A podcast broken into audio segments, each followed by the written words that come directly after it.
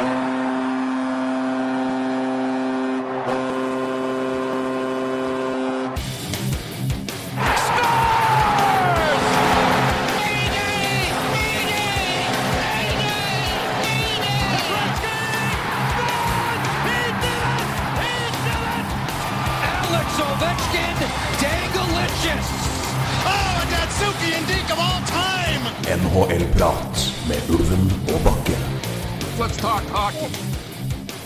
Er en ny NHL-prat-podkast her. Eh, Jeg har plassert Ulven på long time injury reserve. Han er eh, rett og slett ikke i form, så da måtte jeg sette den på litt eh, Sette den på LTIR for å få inn erstattere. Det er jo sånn det fungerer i NHL. Og jeg må vel si at jeg har, når første Ulven er borte, så har jeg fått en grei erstatter inn her. General manager Stavanger Oilers, Pål Haukeli Heggesund, velkommen til NHL-prat.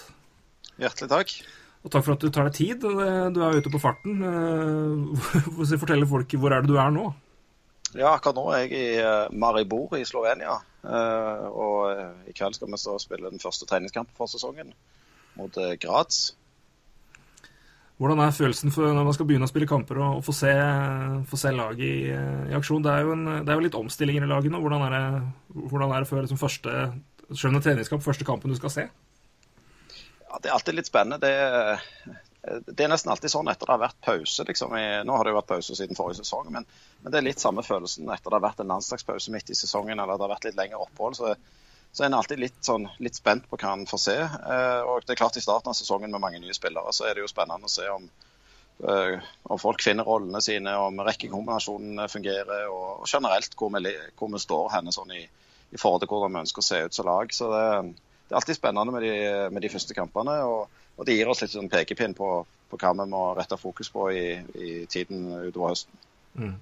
Det er jo en del, altså, del utskiftinger og noen spillere, viktige spillere som er borte. Er det noe spesielt, er det noe du er spent på nå som kanskje du ikke var like spent på forrige sesong? Er det noe, hva er det du på en måte hva er det du er mest spent på å se eh, av laget ditt fram mot sesongstart nå, med tanke på det som har vært av, av justeringer, utskiftinger og spillere som, som ikke er der lenger? da?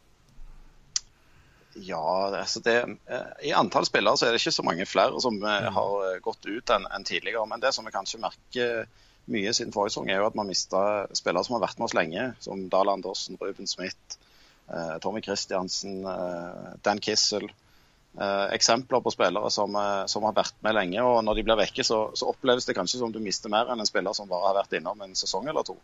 Ja, det er Eh, profiler òg. eh, Ja, det er profiler òg. Og det, det er jo kanskje Det er jo litt rom for, eh, for eh, de andre å på en måte stikke hagen fram litt og vise seg å, å bli de nye profilene og, og ta den plassen som, som disse andre guttene hadde. Og, og det blir litt spennende å se hvem som på en måte blir de nye, nye flaggskipene eh, i garderoben. Hvem er det som tar, eh, som tar den plassen? og, og vise at de på en måte skal, skal bære skuta videre. Selv om vi i sånn ledelsesmessig i laget så har vi jo mye av ledergrupper, er kapteinsgrupper for eksempel, er jo intakt. og, og Vi har mye rutine i garderoben og mange som har vært med å vinne mye. Så, så vi har eh, kontinu god kontinuitet, selv om det er mange som byttes ut. Du, vi har jo prata litt for å for styre det over på litt eh, andre ting eh, etter hvert. Men vi har prata lenge, og jeg vet jo at du hadde en, en god ferie ble tid på sjøen. Hvordan var det? For jeg begynner det først da. Det høres jo, høres jo helt greit ut, det. Kobla Ja, litt, det- litt på havet. Eller på sjøen. Liksom. Absolutt. Uh, ja, det er veldig godt å være på sjøen. Jeg er glad i å, å være på sjøen. Vi var i båten i to og en halv uke i, i Ryfylke og litt nordover, og var faktisk heldige med været òg, for det har vært en relativt begredelig sommer i Stavanger og omegn eh, sånn værmessig. Men uh, vi hadde litt flaks og, og, og traff uh, med, med havnene, så vi hadde ganske godt vær. og Det, det er deilig. Det er, det er god rekreasjon for, for kropp og sjel å, være på sjøen et par uker før en skal mure seg inn i en ishall i ni måneder.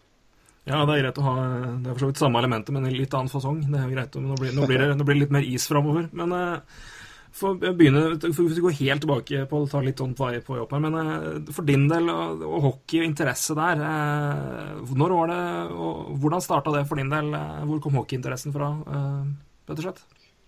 Ja, den, den var nok antageligvis medfødt, for eh, morfaren min var en av de som var med og starte og drive ishallen i Stavanger den gangen det kom. Eh, så jeg eh, har jo gått i en ishall så lenge jeg kan huske. Eh, og, og var i sittesalen fra jeg ble født, og begynte på hockeyskolen når jeg var ja, en tre-fire-fem år. Jeg vet ikke akkurat hvor gammel jeg var, men jeg, men jeg har egentlig spilt ishockey så lenge jeg kan huske, og vært en del av hockeymiljøet alltid. Mm. Men hvor lenge, hvor lenge, spilte du og, og sånn sjøl, hvor, hvordan var det? Ja, jeg spilte aktivt til jeg var ferdig med videregående skole. Og så slutta jeg å spille, og engasjerte meg i, i klubben ut forbi isen. Og var kasserer etter hvert og leder i, eh, i Citys Hockey eh, tidlig i 20-åra mine. Og, eh, og, så var jeg òg aktiv som dommer en periode. Så holdt meg på en måte i kontakt med miljøet på den siden. Og så var jeg litt trener ved siden av det igjen. Du har hatt veldig mange hatter, eller vi kaller det, veldig mange hjelmer i, i idretten her og i området. Det har jo det har gjort ganske mye? Ja, jeg har jo vært engasjert i en eller annen form eh, i hockeyen i, så lenge jeg har levd. Så det har ikke vært en sesong siden, eh, siden jeg kunne gå at jeg ikke har eh, hatt en funksjon eller vært, vært delaktig i noe i, i hockeyen. Men det er noen ting jeg, jeg skal jeg tenkte jeg skulle høre litt med, ekstra med deg om, om, om, Stavanger og på en måte den veien der, og kanskje litt uh, hvordan det kan være si, relevant for, for andre, andre, ting enn bare Oilers òg. Men dere har jo vært med på å bygge opp et, et lag eh, og en kultur som eh, i hvert fall for meg, som jeg har jo fulgt med hockey siden jeg har, siden jeg har vært liten, men jeg har jo alltid, alltid hatt en, en, mye større interesse og dragning mot NHL enn norsk hockey. men men jeg vet jo at eh, det har ikke vært, Oilers er jo ikke noen eh, hockeybastion historisk sett på nivå med Storhamar eller Vålerenga f.eks., men det har jo bygd opp et, en, et, lag, men også en helt enorm kultur eh, rundt det laget her. Um, så begynner litt med jobben dere gjorde, som har fått Stavanger opp til kanskje først i, fram til 2010, rundt 2009-2010. Den jobben dere gjorde der, hva, hvis du tenker tilbake på det viktigste dere gjorde for å bygge opp uh, få den posisjonen dere har havna i, hva, det, hva, hva, trekker du fram da?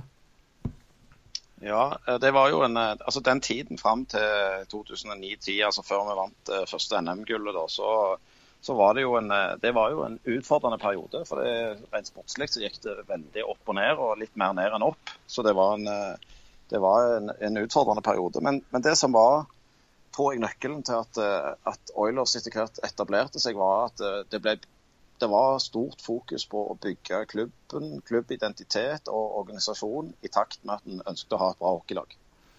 Eh, og spesielt kanskje rundt det å bygge en profil rundt klubben som er mer enn bare det å spille ishockey. Mm. Eh, vi hadde veldig tydelig fokus på at vi ønsket at ishockey skulle bli eh, et allemannseie i Stavanger. Noe som var like kjekt for store og små menn og kvinner. og gamle og unge å gå på. Og vi var veldig opptatt av å bidra ut forbi banen eh, tidlig, lenge før vi på en måte ble gode spillere i ishockey og tjente mye penger. Så hadde vi fokus på å gjøre aktiviteter blant, med spillerne og med, med klubben som, eh, som var retta mot folk som har eh, kanskje litt større utfordringer i livet og samfunnet for øvrig, der vi kunne bidra positivt eh, gjennom å, å være bidragsytere sånn både støttespillere, men òg faktisk å bidra med konkrete arbeid eller tiltak. Mm. Og Det tror jeg at den klubbidentiteten og det å bygge klubbidentitet og eh, skape en profil rundt klubben som du er tydelig på, hva, på hvordan du vil ha, er viktig for eh, å etter hvert kunne vokse og bli solid eh, økonomisk. For det, Jeg tror i dag at eh, mange av støttespillerne våre Eh, setter vel så stor pris på det og er vel så opptatt av det som at vi spiller ishockey og går gode med å spille ishockey. Vi får trekke det litt over med den generelle biten. for vi ser jo eksempelvis da I NHL så er det nå kommet et nytt lag i Las Vegas. og Det er flere andre lag som har kommet til hvor de prøver å bygge opp en identitet. og, og Det er klart det er jo en helt annen modell. det er jo en, det Norge har jo en klubbmodell på, på, litt andre plan. Der er det, der, der er det elitelaget som, som gjelder, og, og, som regel det. Men er det noe hvis man skal på en måte våge seg å komme med et råd da, fra en som har vært med å bygge opp noe og stått i det og hatt tålmodighet og, og, og klart å, å, slå røtter på et sted hvor kanskje mange trodde det ville være vanskelig.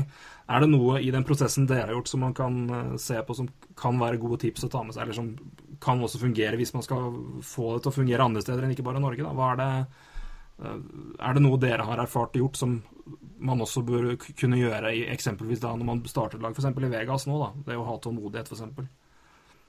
Ja, det er jo tålmodighet er jo et, eh, et nøkkelpunkt. Og tålmodighet i, i, ledelsen, i styret. Vi hadde jo et styre og en styreformann som hadde en veldig klar idé om hvor, vi, hvor liksom, kursen var. Og uh, var tålmodig og, og, bygde litt om gangen. og Så blir det selvfølgelig noen tilbakeslag på veien, men det må en liksom tåle. Og så må en tørre å tro på at den tanken en har og den visjonen en har, den vil bli bra, og at en, at en vil lykkes med å komme der til hvis en jobber målretta, selv om en får noen tilbakeslag. Og, og det, det, det, var vel kanskje i, i de som jeg, som jeg sa, årene hvor det gikk litt opp og ned. og det at det, på en måte organisasjonen sto seg igjennom den perioden fra 2006 til 2010, mm. er nok mye av grunnen til at eh, vi etter hvert når vi fikk realisert DNB Arena og det økonomiske grunnlaget ble annerledes, så, så har vi på en måte klart å, å, å etablere en klubb som, som, i dag driver sunt og godt. og og er arbeidsplass for mange mennesker. Ja, for det var, mange, det var noen år der hvor det var langt tøffere økonomisk. og det var rett bare åtte på å nesten tåle, tåle å stå, stå det ut til eventuelt eventuell studie. For du vet jo det når det snur heller, tenker jeg òg. Det er jo det å, å, å tørre å, å, tro på det man gjør lenge nok til å se at det eventuelt snur.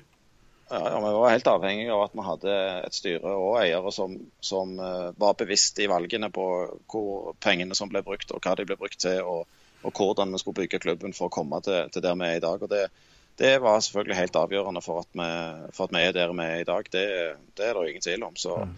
Men å sammenligne det med, med, Vegas og NHL er litt vanskelig. Det er klart at det er ganske eh, det er lettere å trekke parallellen litt, andre veien. Det er klart Vi har jo prøvd å lære litt av å ta ideer fra den amerikanske måten å drive sportsklubb på, mm. og tilpasse det til norske forhold og til, våre, eh, til vår størrelse og vår, vårt omfang.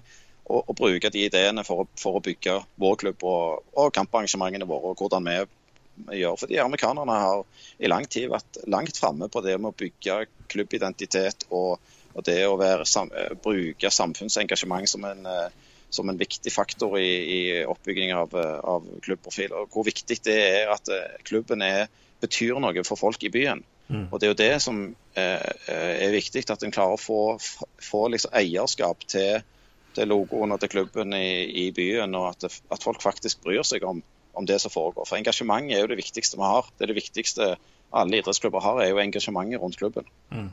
Er det noen spesielle klubber eller noen spesielle elementer som man gjør i USA? Eksempelvis altså i NHL, som dere, som dere så ekstra på? Noen, noen eksempler du kan nevne der?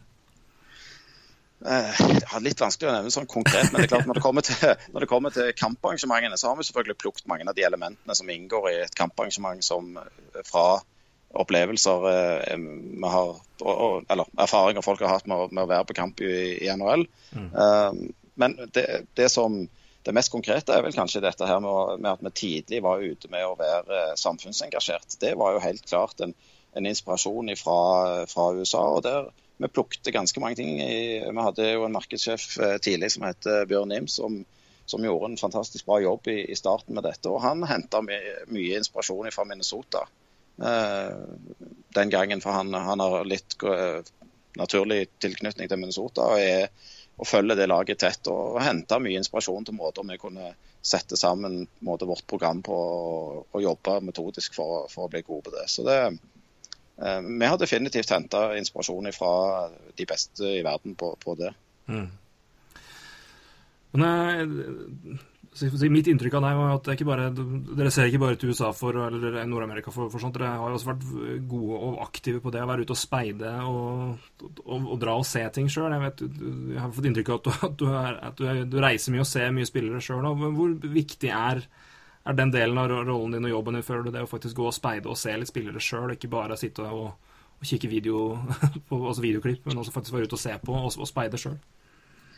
Ja, eh, det, for, for, meg har det vært veldig viktig, det er det ingen tvil om. Det er jo litt sånn learning by doing. Jeg har jo mm. gjort min andel av uh, wrongdoings, jeg òg, så det, det, er jo noe en eh, selvfølgelig ikke ønsker å, å gjøre. Så uh, etter å ha vært, eh, Første gangen vi reiste bort for å se på, så var, så var liksom det første inntrykket jeg fikk, det var at det, det, jeg visste minst om, egentlig, det var hva nivå egentlig jeg måler vårt, våre spillere mot. Altså hva, hva, hva, hva, nivå kan du egentlig forvente av en spiller som er fra East Coast, eller som kommer fra et college? De mm. ulike collegene. Hva hockeyutdannelse har de egentlig? Eh, hva nivå presterer de på? Eh, hvordan er, fungerer systemet i AHL? Hvordan får de tildeler de spilletid til spillerne? Er alle spillerne i fjerde rekke og grinders, eller hvordan er det satt sammen? Mm. I, sånn at når en skal hente spillere, så har en Eller i hvert fall så har jo jeg det over årene lært meg mye mer om hvordan systemet fungerer for spillerne, spillerflyten i Nord-Amerika hvilke muligheter eller ikke muligheter spillere gis, og hva slags utdanning de egentlig får gjennom eh, junior- eller college-systemet de kommer fra. Og Det gir meg selvfølgelig et, et, litt annet grunnlag til å evaluere om spillerne vil passe inn i, det, i mitt lag. Eh, så, så, så, vel så viktig som det å se enkeltspillere, for det er jo begrensa, selv om du reiser bort og ser en del spillere, så er det mm. begrensa i volum hvor mange du får sett av de som til slutt blir aktuelle for å komme til Norge, og igjen enda færre som blir aktuelle for å komme til Stavanger. Mm. Uh, så, men, men, det er en del andre viktige elementer av det å reise til USA og, å se på ishockey. og Det er det som jeg nevnte nå, med å forstå systemet og hvordan spillerne måtte gis muligheter eller ikke gis muligheter, sånn at du kan vurdere bedre spillerens faktiske kapasitet når han, når, når han blir aktuell. Uh, og så bygger en selvfølgelig nettverk når en er ute og reiser. Så, og mm. det er, er vel også en, en, av de viktigste tingene. At en, at en, kan faktisk ringe til mennesker som kjenner deg, og du kan få et ærlig svar på hvordan den personen er, og hva han har gjort bra, hva han har gjort dårlig, hva utfordringer har han som spiller eller som person, og, og hva type personlighet får vi inn i, inn i grupper. For Personlighetsanalysen har jeg jo erfart er en, eh, en, av de aller, aller viktigste delene av det å rekruttere spillere til et lag som skal gjøre det bra. Mm. Uh, for det Den første delen med å finne ut om de er right eller left, eller uh, så eller så høye, og hvor mange mål de gjør, det, den analysen er jo, den kan gjøres statistisk og, og i stor grad av av tall. Eh, mm. men, men, så er det liksom noen andre elementer som påvirker om de faktisk kommer til suksess når de kommer til norsk ishockey, og om de passer inn i laget ditt og vil tilføre det du er på jakt etter, både på isen, men ikke minst også i garderoben. Uh, og det, Den siden har, gjørs, er det er lettere å få til når du har et godt nettverk å, å spare i.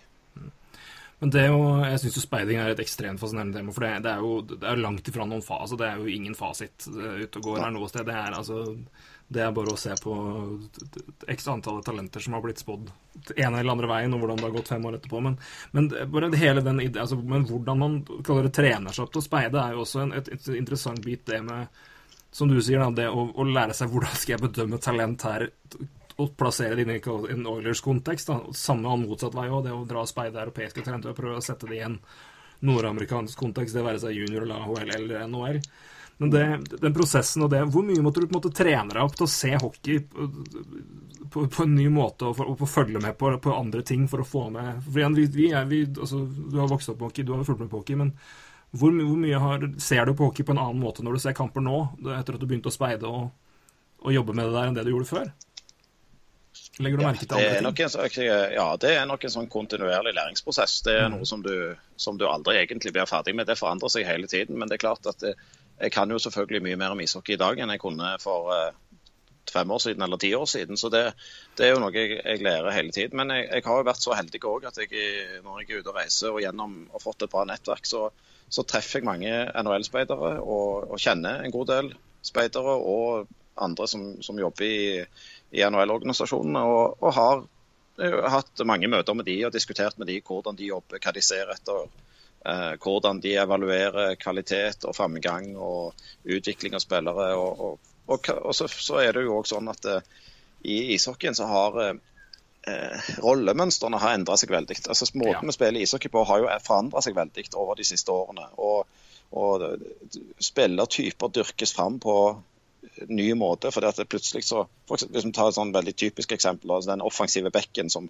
som er blitt veldig i vinden de siste fem-ti årene. Mm. Han, eh, eh, han, han, har jo på en måte fått sin plass, og nå leter folk etter spillere med den, eh, den typen spissferdighet. Og de dyrkes jo fram da fra ung alder til, til, å bli en sånn spillertype. Og den, tidligere så var jo, Hvis du var en NHL-skatt, så satte du jo bare en strek over den spilleren når du så han når du var 16. Mm. Mens eh, i, i, dag så er det den spillertypen du, du kanskje ser mest etter. Og for, for, for, vår del da i, i Oilers så er det jo sånn at eh, jeg, jeg, pleier å si det at alle spillerne som kommer til Oilers, er det noe feil på. og det høres litt brutalt ut, det mener jeg selvfølgelig ikke sånn.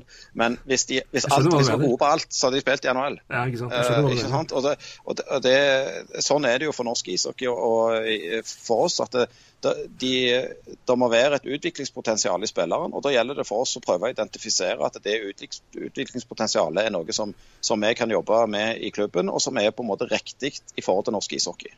Eh, et typisk, eller Det mest sånn åpenbare eksempelet på det er jo nordamerikanske spillere som kan skåre ganske mange mål, men som ikke kan gå på skøyter. Mm. De vil ha stort problem med å være gode i norsk ishockey. Eh, sånn at Hvis du møter på en spiller i Nord-Amerika, du er borte og ser en som du, du kanskje har sett på statistikken at han gjør 20-30 mål i året i East Coast, og så reiser du over så ser du han, og så ser du at det gjør han, og det gjør han fordi han har noen ferdigheter som passer veldig godt der. Men han vil antageligvis ikke tilføre Gateligaen det samme. For han har ikke den egenskapen som trengs for å være god her. Eh, og, det er jo på en måte den eh, ja, den læringsprosessen som jeg da gjerne har prøvd å liksom, utvikle meg inn og, og bli bedre på i de årene jeg har, har reist til USA. Skal holde oss litt på temaet, her, litt forskjellig. Men én ting før vi går videre til litt mer konkrete ting. Men eh, du, har jo vært mye og sett mye spillere, og sikkert eh, fått se en, del spillere som ikke opprinnelig skulle være for å se sjøl, men som var med i kamper. Men er det noen spesielle minner du har fra en spesiell spiller du har sett, eller noen historier fra, fra scoutinga som noen spillere du på en måte har merka deg som har dukka opp senere? eller noe sånt? Er det noe sånt, eh, er det noen sånne ting du husker fra, fra det har vært og speida i ymse kamper og på ymse nivåer? Ja, det er det jo ganske mange av. For det er, jo, det er jo ofte sånn at det går en stund fra jeg har sett de, i hvert fall fra jeg har sett de første gangen, til de eventuelt ender opp med å spille i Oilers. Eh, og eh, det, det som var jo litt in, ja, Kanskje litt tilfeldig, men interessant. Men eh, den aller første turen faktisk jeg var på for å se på, da var vi så Frozen Four-finalen i Denver i 2008, tror jeg. Frozen Four, det er da slutt, altså det Ja, det er og så da- finalen i college hockey, ikke sant? Stemmer det. stemmer det. Til de som ikke visste det. Ja. Uh, og der Jeg tror fra de lagene som var der, så har vel det endt opp med å være fem eller seks stykker som har kommet til Oilers siden den gangen. Fra de lagene som var der. Tim Coons var der og spilte. Uh, Van Gilder spilte vel der.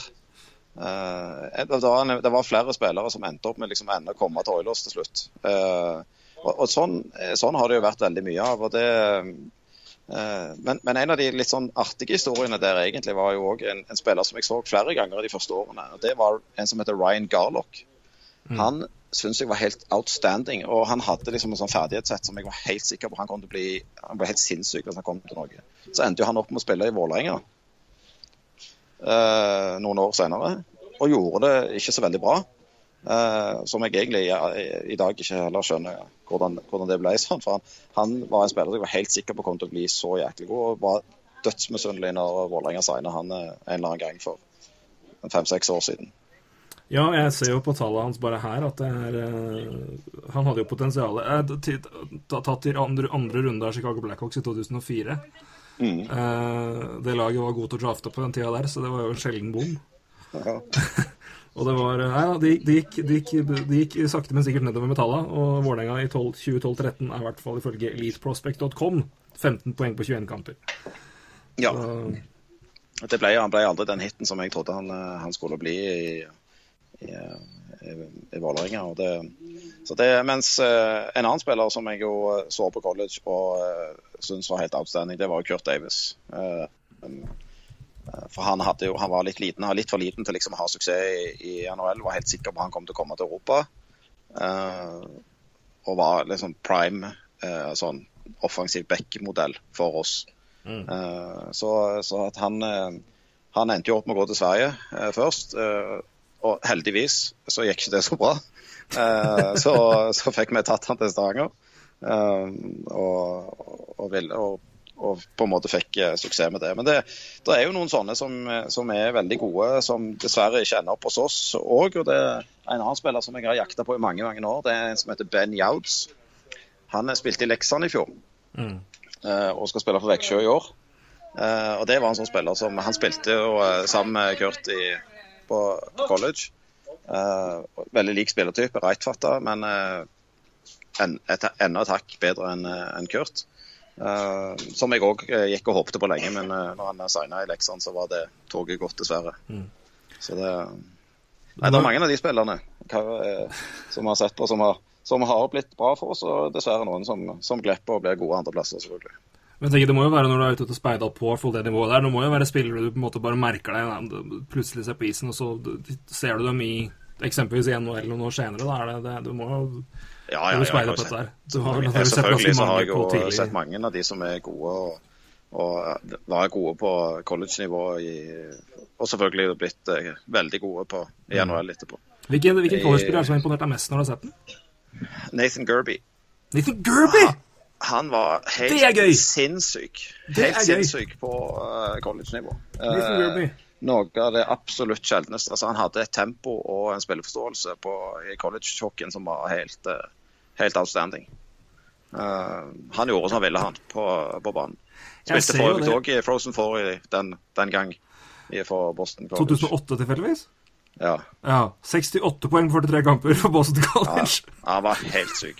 Han, eh, han så jeg et par ganger. Han var, han var rå i, i, i, college. Og så har, eh, så har jeg jo sett eh, Johnny Goodrow mange ganger på Boston College. Eh, han, eh, han har jo òg vært eh, altså det eventyr å se på. For han har jo en sånn ser, når du ser han ut forbi banen, jeg har jo møtt han noen ganger i, liksom i shorts og T-skjorte, han ser jo ut som en 15-åring som ikke har begynt å vokse ennå.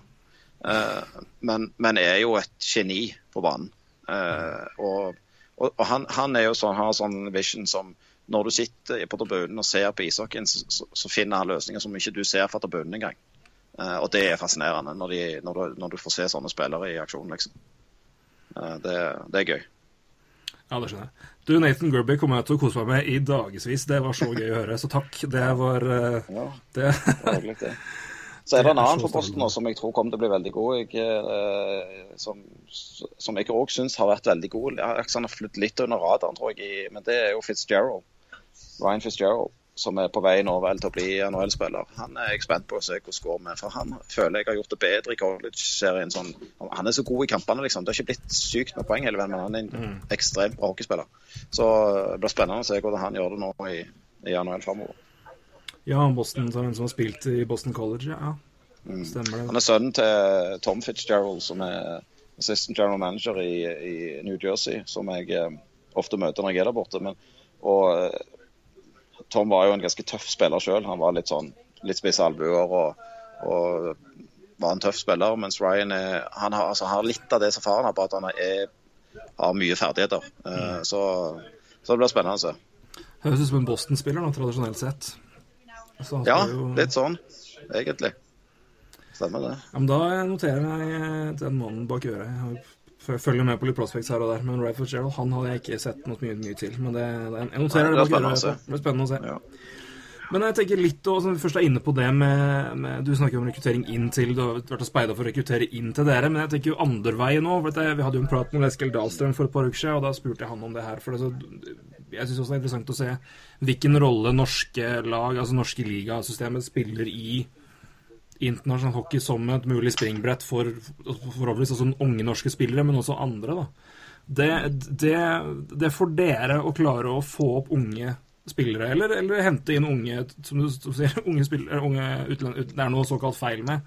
og Bringe dem opp og utvikle dem til at de tar et steg videre, enten til Sverige eller at de kommer Eller, altså, eller unge nordmenn som eksempelvis blir, blir drafta. Det er jo eksempler på det. Det òg. Eh, hvor eh, altså Selvfølgelig, det å vinne, vinne NM og vinne Gatlingan og prestere er jo åpenbart målet, men eh, for dere òg, det, det, å være med å utvikle og bringe spillere ut av Norge òg, ikke bare hvor, hvor, viktig er det for dere, det, det aspektet der? Ja, Det er veldig viktig for oss. Det er jo på en måte punkt to på lista over oppgaver vi har i Oilers. Utenom å Altså, vi har alltid Vi skal vinne. Det er liksom, det er punkt én på lista. Vi skal være gode, og så skal vi vinne. Punkt to på lista er at vi må utvikle spillere. Og Vi har en konkret målsetning med altså Stavanger Oilers har da sportslig ansvar for U20, altså, eh, Vi driver jo både gettlaget vårt og U20-laget. og Så har vi òg sportslig ansvar for U18-laget og U16-laget i Stavanger. Så mm. Trenerne der de er på en måte under vår paraply og, og eh, styrt på en måte av, av Kaunismäki, som, er, som er ansvarlig for den talentsatsingen. Og, og Dette bruker vi mye penger og ressurser på, og er veldig opptatt av den, det arbeidet som gjøres der. Og vi har en helt klar målsetning om at vi må bli en av hovedleverandørene av eh, norske landslagsspillere. Og eh, etter hvert eksportere spillere til, på jevnlig basis til større europeiske ligaer, og forhåpentligvis NHL mm. med jevne mellomrom. Eh, så det, det er en, en, veldig høyt prioritert oppgave i, i klubben vår. Når man skal jobbe med utvikling og, og, sånne ting, hva er det Eller når man skal utvikle spillere, moderne hockeyspillere i Norge, da. Eh, og som du sier, har, hvordan man spiller hockey har forandra seg. Offensiv forspiller er jo et kjempeeksempel. Keeperposisjonen har utvikla seg enormt. Siste, I hvert fall siste 20. Men det å utvikle spillere nå, eh, fra talenter til å bli gode spillere som da forhåpentligvis tar steg, hva er, det, hva er, det, du ser på som viktig fokus når man skal jobbe med spillere og, og trene dem opp? Hva, hva, er det som man i hvert fall må jobbe med? Ja, det, det, det, største, det vanskeligste kanskje med akkurat det er jo at det blir mer og mer kompleks. For det krever mer og mer av utøverne og omgivelsene å få spillerne på, på høyt nivå i verden. Det, det, er jo ingen tvil om at det krever ekstremt dedikerte uh, unge gutter uh, for å lykkes i dag. Mm. Og så krever det komp uh, kompetanse og ressurser rundt dem til å gi dem den læringen de trenger på veien, og, og eh, klare å følge dem godt nok opp. Altså det, det så, de har så travel hverdag fra de blir 14-15 år. De trener gjerne flere ganger til dagen. De skal, full, de skal, gjennom skolegang. Og så forventes det at de skal prestere både på skolen, på trening, eh, hjemme.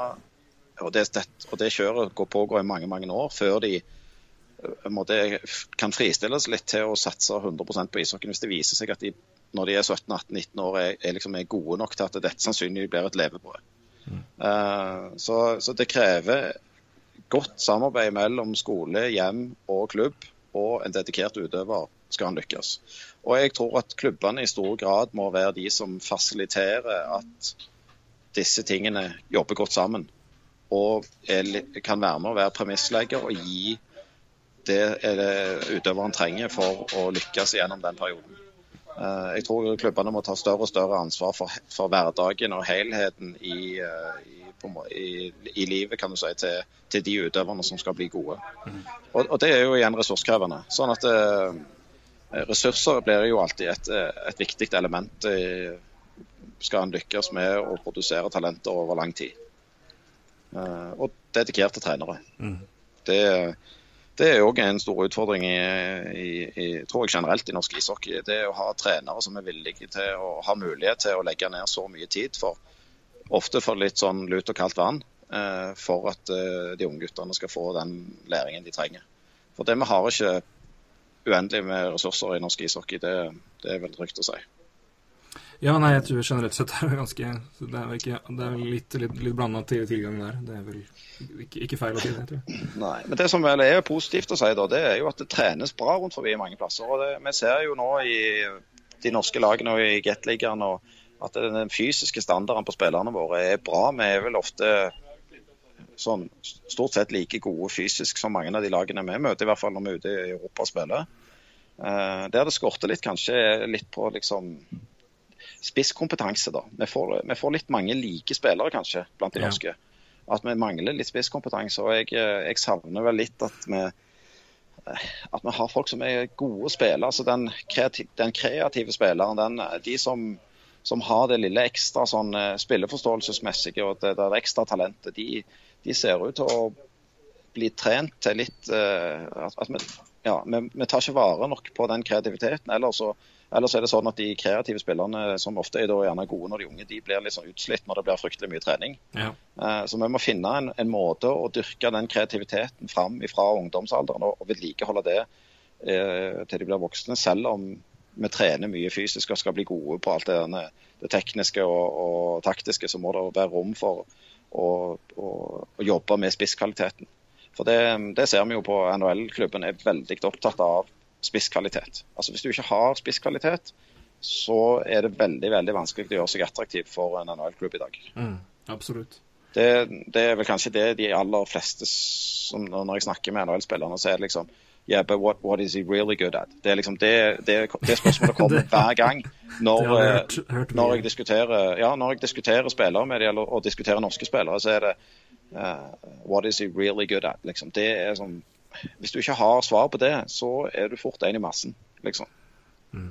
Er det det som er Hvis du skal se på eh, Litt innenfor samme, men jeg tenkte jeg skulle spørre deg om eh, I den prosessen det å bygge opp eh, unge spillere, spesielt hvis man da tenker på at her er det de er gode nok til å komme seg ut og, og kanskje spille juniorhockey i, i Sverige, ta steget der. Mulig også kan dra til Nord-Amerika og spille juniorhockey eller, eller college hvis man er god nok til det.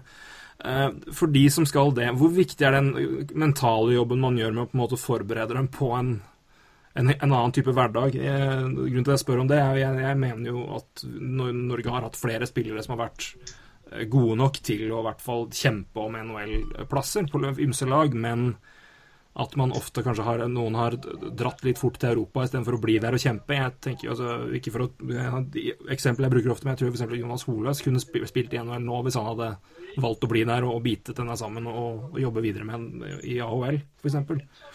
Eh, det å, å, å forberede dem på den kanskje litt tøffere og litt mer in- internkamp, altså mer kniving, litt mer kynisk hverdag. Hvor mye er det? Hvor mye må man jobbe med det og når man er med å utvikle spillere, spesielt da som blir så gode at de kan dra ut, da?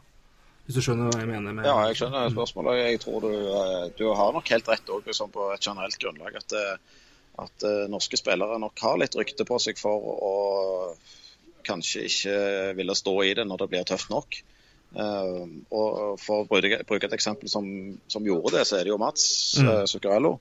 Han, jeg husker at jeg i forbindelse med en av mine, så møtte jeg da Mats i, oppe i Glens Falls. Han hadde spilt bortekamp for Connecticut Whale den gangen, i de fine grønndraktene mot, uh, mot uh, Adirondack. Og, og så møtte jeg han etter kampen, og da, det er klart, da sto ikke Han var ikke kjempefornøyd med situasjonen da. Eh, og det var ganske tøft, og han, han ble jo rettferdig behandla. han var jo, ok, han var bisen, så, var han jo, så gjorde han forskjell. uh, men fikk eh, mye mindre spilletid enn mange av disse andre som av politiske grunner var satt og gis mer istid og i powerplay. Og, eh, han spilte i andre powerplay. De, de kom utpå med 20 sekunder igjen av hvert powerplay, og så var det nesten mål hver gang de var utpå. Men likevel så starta de de andre i, liksom, i 1,30 hver gang, og det skjedde ingenting. Eh, og Sånn var det jo i lange perioder for han. han eh, og, og sleit jo med å produsere noe særlig på NHL, i AHL. Han, had, han kunne jo eh, Mats var jo en spiller som hadde kapasitet til å gjøre eh, poeng halvannet kanskje i snitt i, i AHL. Sant? Hvis han ble gitt eh, den istiden og den muligheten til å gjøre det. Men han gjorde ikke det. Og det, og det å liksom stå gjennom det og, og tåle det, eh, det, det er en del av testen NHL-klubbene gjør på spillere for å sjekke at de er villige til liksom å, å legge ned det som kreves for å være med. Uh, og, og Veldig mange spillere må gjennom den fasen i, i NHL for at, du skal, for at du skal lykkes. For Da vet spillerne og organisasjonen at de har en som, som liksom er villig til å gå i krigen for dette. og, og jeg, jeg tror at jeg, de, ja, de sier vel for så vidt òg at de er ganske bevisste på at de, de vil teste folk på ulik måte. Uh, og se om hvordan en reagerer på å bli sendt ned og sendt opp igjen. og eh, det, det er en, eh, så du har rett i det at det er en slags sånn psykisk test der som, som jeg tror det er viktig at, vi, at vi, vi snakker om med talentene våre. Og spesielt hvis de, hvis de skal i den retningen. At det, og ikke minst de spillerne som har vært der og, og erfart dette. og Uh, Ta en som Tollefsen, som, som jo er, var en hardhaus og liksom gikk den harde veien til, til NHL. Han, han har helt sikkert masse erfaringer med dette som er, som er sunt å dele med, med, med de unge norske talentene. Ja. Eh, Så, så det, og, og Zuccarello òg, ikke minst, som, som jo, jo sto igjennom det og har fått den fantastiske karrieren han har. Så, eh, så, så det, eh, det er riktig at det er en ting som vi må, vi må fokusere på. Så, samtidig så er det litt sånn at jeg Det jeg syns vi kanskje har gjort et litt sånn eh, har fått litt sånn feil rykte i Norge, da. Det er jo AHL som liker. Det er helt enig med deg og det, det, eh, det, er nok ikke fordi ryktet oppsto uh, ubegrunna, men fordi at AHL har endra seg veldig fra det det var i mange mange år og helt fram til kanskje for en ti, ti, to, ja, si en ti års tid siden begynte endringen virkelig til å skje. Eh, Hvor NHL-klubbene gikk inn og overtok styringen i større og større grad av, av AHL-klubbene.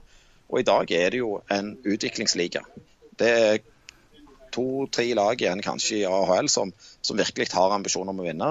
Men eh, nå er det jo regler for hvor mange veterans du kan ha i, i hvert lag. Og, og, alle klubbene er i stor grad, eller stort sett 100% styrt av NHL-klubben og styrt som en spillerutviklingsarena. Mm.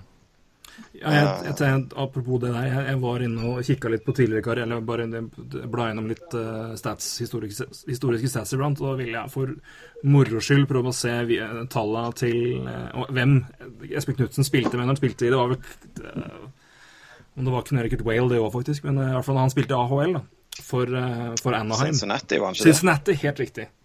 Det er Good lord, du har jo koll som bare det. Det er, um, men det var jo Jeg prøvde å se liksom, hvem, okay, hvem er det du har spilt med, er det noen vi har hørt om? Det var jo omtrent ikke en NHL-spiller jeg har hørt om i det hele tatt. Og det, det, 90-tallet, der kan jeg mange, altså. Det er ikke ja. Så det, ja, det, var jo en helt, helt annen ting. Eh, jeg tror nok kanskje mye av ryktet da, AHL kommer fra den tida der med mm. hvor Espen var og, og, spilte i AHL. og Det var en gubbeliga. Det var, det var øl etter kamper, så var det slåsskamper. og det var det var, ikke en, det var ikke en arena for spillere som ønska å bli eh, gode. Det var egentlig en, en plass du havna hvis du ikke, akkurat ikke var god nok. og Det, det gjaldt egentlig bare å kjempe seg ut derfra fortest mulig. Mm. Uh, mens i dag, så, i dag så er det jo en, en, en helt annen sak. De, de, uh, de, jobber metodisk med utvikling av spillere. Jeg har vært så heldig å ha vært uh, litt sånn behind the scenes på noen av lagene for å se på, for å prøve å lære litt til, til vår klubb om hvordan de driver klubben og hvordan de driver med med trening og talentutvikling. Og, og det er jo, eh, det er jo høy, eh, vitenskap på høyt nivå, måten de driver klubbene på i forhold til hvordan de skal utvikle spillerne og disponering av istid og treningsmengde. og mm. eh, så, sånn at, Og så er, de, så er ligaen òg etter hvert nå lagt opp sånn at de, de prøver å begrense reisebelastningen på spillerne. Sånn ja, at det ikke blir de... for det, Selvfølgelig dess lenger ut i periferien klubben ligger, dess mer må han jo reise. men men eh, de, de har lagd til ligasystem som, som skal begrense det i så stor grad de klarer. Ja, Det er vel point adjusted på vestkysten bl.a. At du har eh, mm. på vestkysten spiller færre kamper enn de som eksempelvis spiller på østkysten. Men da har de point adjusted exactly. system, så det er jo ja. ganske spesielt. Men, men, igjen innovativt og viser jo at det er en liga som tenker annerledes. da. Ja, yes. det, og det er jo fordi at det, det, spillerutviklingen er egentlig viktigere for dem enn uh, om du blir nummer to eller tre på tabellen. Mm. Så Nei, men jeg synes jo Det er interessant det du sier, og ikke minst den uh, hvor viktig, eller hvor god hjelp det kan være for det. og Det er jo noe av det vi snakker om. altså Sendt ned. og Jeg skjønner jo at jeg skal ikke late som at jeg ikke skjønner at det, er, at det er kjedelig og nederlag, spesielt kanskje for Mats, da, som var en, uh, en spiller som i hvert fall hadde vist i, i, Sverige, også perioder i NHL, hvor, hvor, hvor mye, altså, hva som bodde i han av ferdigheter, og hvor god han var. Men noe jeg skulle gjerne prata med både han og, og Tollefsen med, er jo betydningen av AHL-perioden, eller kanskje, kanskje, mest for Mats, da, som kom fra Sverige, kom fra Norge, og tilvenninga til isen. Og det å få uh, å ha den perioden til å venne seg til å spille, spille på nordamerikansk is og den, det formatet der jeg gjerne, Det er godt mulig han ikke hadde noe, hadde noe, spesielt behov for den tida der for å venne seg til det, men det er noe av det, første, noe av det jeg har mest lyst til å spørre han om av alle ting. Det er hvor viktig var den AHL-perioden for deg, når du tenker tilbake på den nå for å, å tilvenne seg. For han var jo, han var jo en, en, altså han var god når han var der første perioden, men jeg syns han var en helt annen spiller når, når han kom opp og, og etablerte seg i Rangers gang nummer to etter KHL og AHL. Jeg syns ja, det er en, stor forskjell der, rett og slett. Ja, det, det var nok uh, om, det var tilpasningen til, til liksom NHL-formatet på, på banene og, og, spill, eller om det var uh, fordi at de, de, jobber veldig med spillerutvikling. Ja. Altså, han ble jo en mer komplett spiller. Er jo, Mats er jo, uh, er jo, en av de spillerne som, som er mest undervurdert i det, i det defensive arbeidet, f.eks. Altså, han, han, er jo en, han arbeider hardt hver kamp, og det er jo en av grunnene til at han er så populær i Rangers òg. Han, han, han, jobber hardt hver eneste gang han er på banen. Og, og sånn var han jo ikke fra, fra tidlig ungdom. Han, da, da, gikk det jo mest den ene veien på banen, og så lærte han seg å, å, spille begge veier. Og Det var vel kanskje det som var den største forskjellen etter den AHL-perioden, at, at, han ble en mer komplett spiller. Mm. Du må jeg, skal, jeg har en, du har en kamp på rekke, og jeg skal prøve å holde meg på, på tidsskjema her. Jeg Det går bra. det går, eh, det er godt innenfor ennå, men jeg vet de som hører på oss, vet at eh, det fort eh, blir noen minutter ekstra kontra det vi hadde tenkt. Men jeg skal ikke, jeg skal ikke gå i det problemet nå, det lover jeg deg. Men eh, apropos talenter, dere har jo prata om at det det er et mål for dere å være med å utvikle og, og få talenter, spillere både på landslag, men også i andre ligaer. Eh, Det er to navn spesielt de siste åra som har uh, utmerka seg eh, av unge Oilers-spillere. Det er Johannes Johannessen og Rudolf Balsers. Eh, Kan du fortelle litt om de spillerne som du, kjenner dem jo og har sett dem mer og bedre enn de fleste? Eh, De to og potensialet de har nå, da, hvordan vil du beskrive det? Ja, de er jo eh, for så vidt det, er jo et interessant, for det, de, de bringer oss jo litt inn på akkurat det som jeg snakker om litt med spisskompetanse. Og, Ja. og kanskje akkurat det som skiller at den ene i dag har NHL-kontrakt og den andre ikke har det. Eh, for det, Rudolf han har jo eh, spisskompetanse i det offensive spillet. Altså, han har jo eh, han er ekstremt bra teknisk på skøyter, som gjør at han, han behersker ishockey i stor fart, og så, har, så er han målfarlig. Eh, og det, det er han på et så høyt nivå at, han, at det må regnes som spisskompetanse for han. Og Det gjør han kjempeinteressant for NHL-klubbene. Eh, og så har han, eh, Rudi er jo en som har, har levd på talentet sitt lenge. og, og har måttet modne som person og som, som idrettsutøver.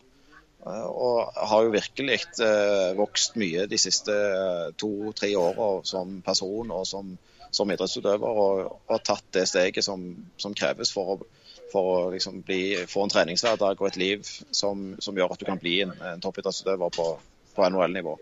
Uh, Så, så han, uh, og med den spisskompetansen i bånn, så er det jo, blir det veldig spennende å se uh, hvor langt han, han når nå i løpet av de tre årene på den entry level-kontrakten. Det, det skal bli veldig gøy å se. Han, eh, jeg vet at de liker han veldig godt i, eh, i San Jose, og, og var veldig fornøyd med utviklingen hans eh, gjennom fjoråret.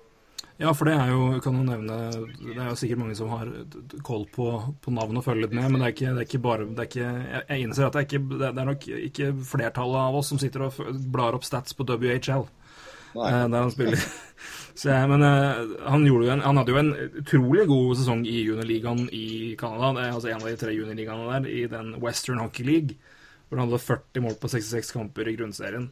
Eh, Og det er jo veldig sterkt, rett og slett. Jeg, ble veldig imponert eh, av det. Og det, jeg måler jo kun på jeg må jo kun måle, måle på, på stats fra tidligere og litt det jeg har hørt, for jeg har jo ikke sett, eh, sett basis- reaksjon, i hvert fall ikke veldig mye. Men det er jo, de tallene han leverer der, det er jo rett og slett ganske Jeg, ble, jeg ble veldig imponert, i hvert fall, når jeg, når jeg, når jeg så hvor bra han hadde levert der. Ikke minst på målskåringa med 40 mål, det er jo, det er jo også veldig, veldig bra.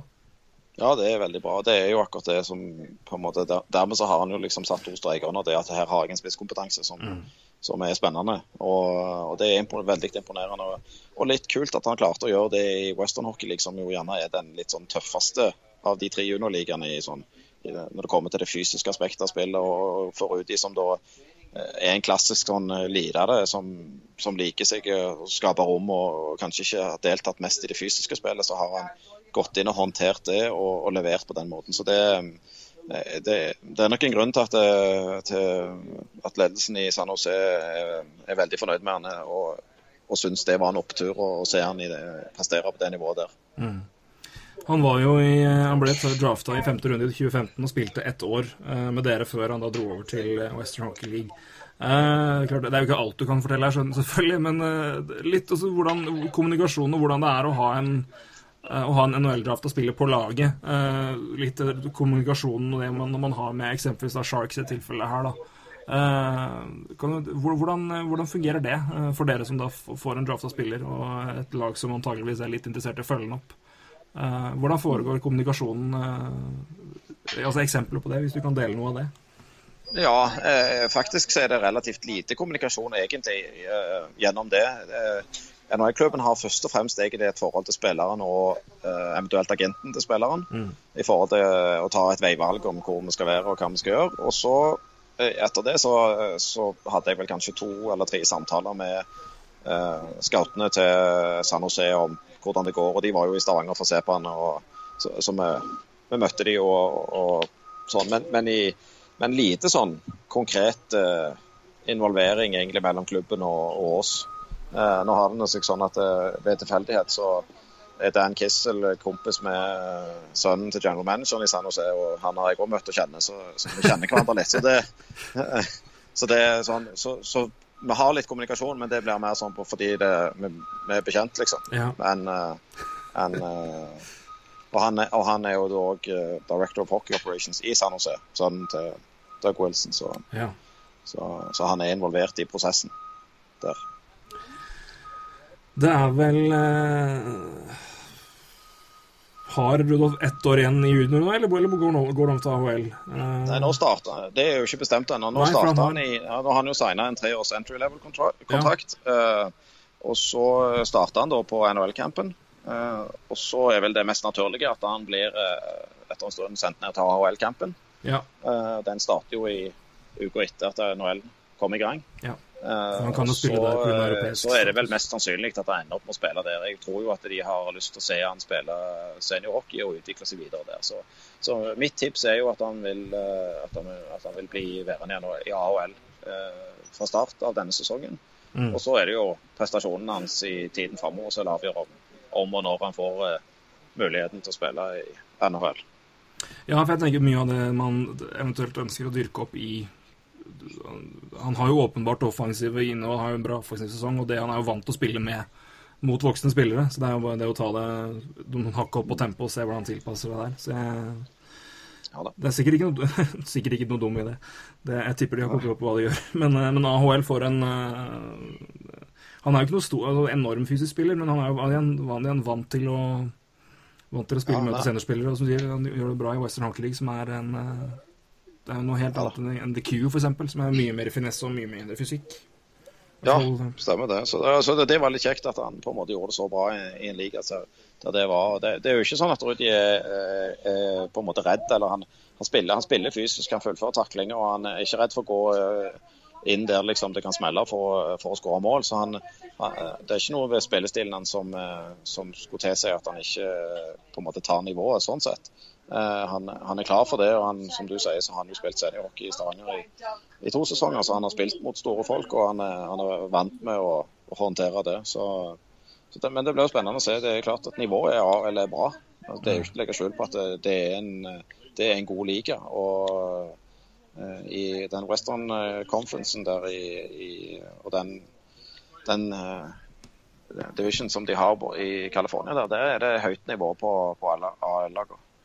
Ja, han er vel i samme, samme divisjon som eh, San, Diego, eller, San Diego Goals, er ikke det? San Diego, til, ja. eh, Ja, det er San Diego og Ontario som er LA Kings sitt. Og så Ja. har du eh, i Stockton og i, ja, så har du jo San Jose. De, har jo, de deler jo hall med NHL-laget i San Jose. Det er jo litt Ja. spesielt. De har jo farmalaget i samme ishall. Så, eller arena. Så det, det er fin nærhet til klubben der. Absolutt. Nei, det blir veldig spennende å se. Det er jo et uh, åpenbart en, uh, en veldig veldig spennende ung spiller. Uh, over til en annen en, men som kanskje det var i hvert fall mer snakk om for, for, for et år siden. Men det, det hjelper jo å komme i en, en VM-tropp. Men Johannes er nå i, i Sverige. Hva, du var jo inne på det litt med spisskompetanse. At der, I moderne hockeyen så er det er det, det å, å, ha det. Eh, hvordan ser du han og potensialet hans nå, eh, etter, etter det var i Sverige og, og sånn han har prestert der? Ja, jeg er jo, jeg er jo kjempefan av Johannes. Jeg syns han er en uh, meget, meget bra spiller. og Jeg ble ganske skuffa når uh, Frølunda egentlig satte en strek over han i, før sesongen hadde begynt i fjor. Uh, eh, jeg syns det, det var synd for Johannes. og eh, han- er en, han er jo ekstremt moden for alderen som spiller. Han har liksom kylene, og han, han tør å spille pucken. og Han, er- han er smart på, på isen, bra fysikk. Han er, eh, Johannes er jo en, et treningsprodukt. Han har jo alltid, hatt, han har alltid vært sånn OK hockeyspiller, men uh, jobber metodisk hver dag og uh, er, er nøye med alt.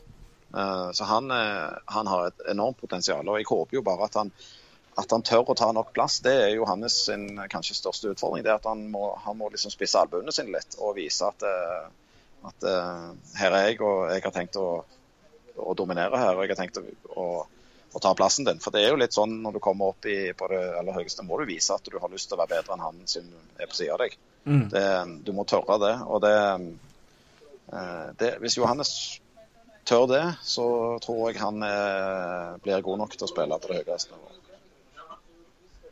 For når han eh, altså, sier at treningsprodukt og jobber så veldig godt, er det det bare det å, sier, å, å finne en trygghet og få den tilliten og bare jevnlig eh, få nok kamper på et nivå som gjør at han kan eh, bare fortsette å utvikle seg der og ta det litt steg for steg? Er det den veien han eventuelt vil gå? Ja, det er den altså, veien metodisk og... Ja, han vil gå den veien, han, men han, han er Johannes har kommet langt. Ja, ja. Han, er eller, i dag en veldig bra hockeyspiller og er i stand til å spille på et høyt nivå. Men, men du må liksom vise treneren din og, og lagkameratene dine og alle at du, at du, vil være der, og at du har tenkt å ta plassen. Og, for det, som du, du sier, det gjelder bare å få nok istid, og den, den, får du jo ikke hvis ikke du viser at du vil ha den. på en måte. Må, og, Det er en sammensatt sak. Det er Én ting er hva du gjør på trening og, og hvordan du presterer, men, men, du må òg ha en attitude og en, en, en innstilling til til, som viser treneren, og, eh, om det er general manageren eller scoutene eller hvem det er, at det, eh, her, jeg vil opp og fram. Uh, og det, der har Johannes litt sånn Han er, han er litt forsiktig, og han er, han er, jo verdens snilleste gutt. Og, og det er liksom, når du tar på deg hjelmen, så må du Du kan ikke være verdens snilleste hele veien, liksom. Det, det, du må vise at du vil, og at du, du må brøyte deg litt vei sjøl for at du skal få de mulighetene. Et annet ungtalent som vi har prata eh, med nettopp til og med òg. Jeg vil bare høre om du har noe eh, formening om, om karen. Det var jo en, en ung 17-åring som ble tatt eh, nesten helt til sist i draften nå. Christian Røykas Bartletten. Vi tok hadde en prat med en uke eller dagen etter han kom tilbake fra Washington. Det var ganske Det var en fascinerende prat, for å si det mildt. Uh, kjenner du til han, eller har du noe inntrykk av han, og hva tenker du så om det? Hvis du har, noe, hvis du har sett den, eller har noe som helst. Bare, når jeg først har deg på tråden, så må jeg bare sjekke. Ja. Nei, jeg har uh, sett han altfor lite til at jeg egentlig har noe sånn uh, veldig godt inntrykk av han. Jeg, jeg, jeg, kan ikke si om på en måte hva som skiller han så veldig fra de andre, for jeg, jeg har ikke nok kunnskap om han rent personlig. Så, annet enn at Jeg har jo sett han spille, jeg ser han er en bra spiller, men jeg, men jeg har ikke sett han nok til at jeg kan gi god, eh, et godt bidrag i den debatten, dessverre. Det er helt greit, jeg måtte bare spørre. Men uh, for å ta det litt mer generelt her, jeg syns jo det, det, virker som at det kommer opp uh, At de siste årene har, vært, og kommende kommer opp spillere som er veldig interessante, lovende unge spillere. Du, to nevnte som, det, som kommer fra dere, eller som har vært hos dere, i hvert fall.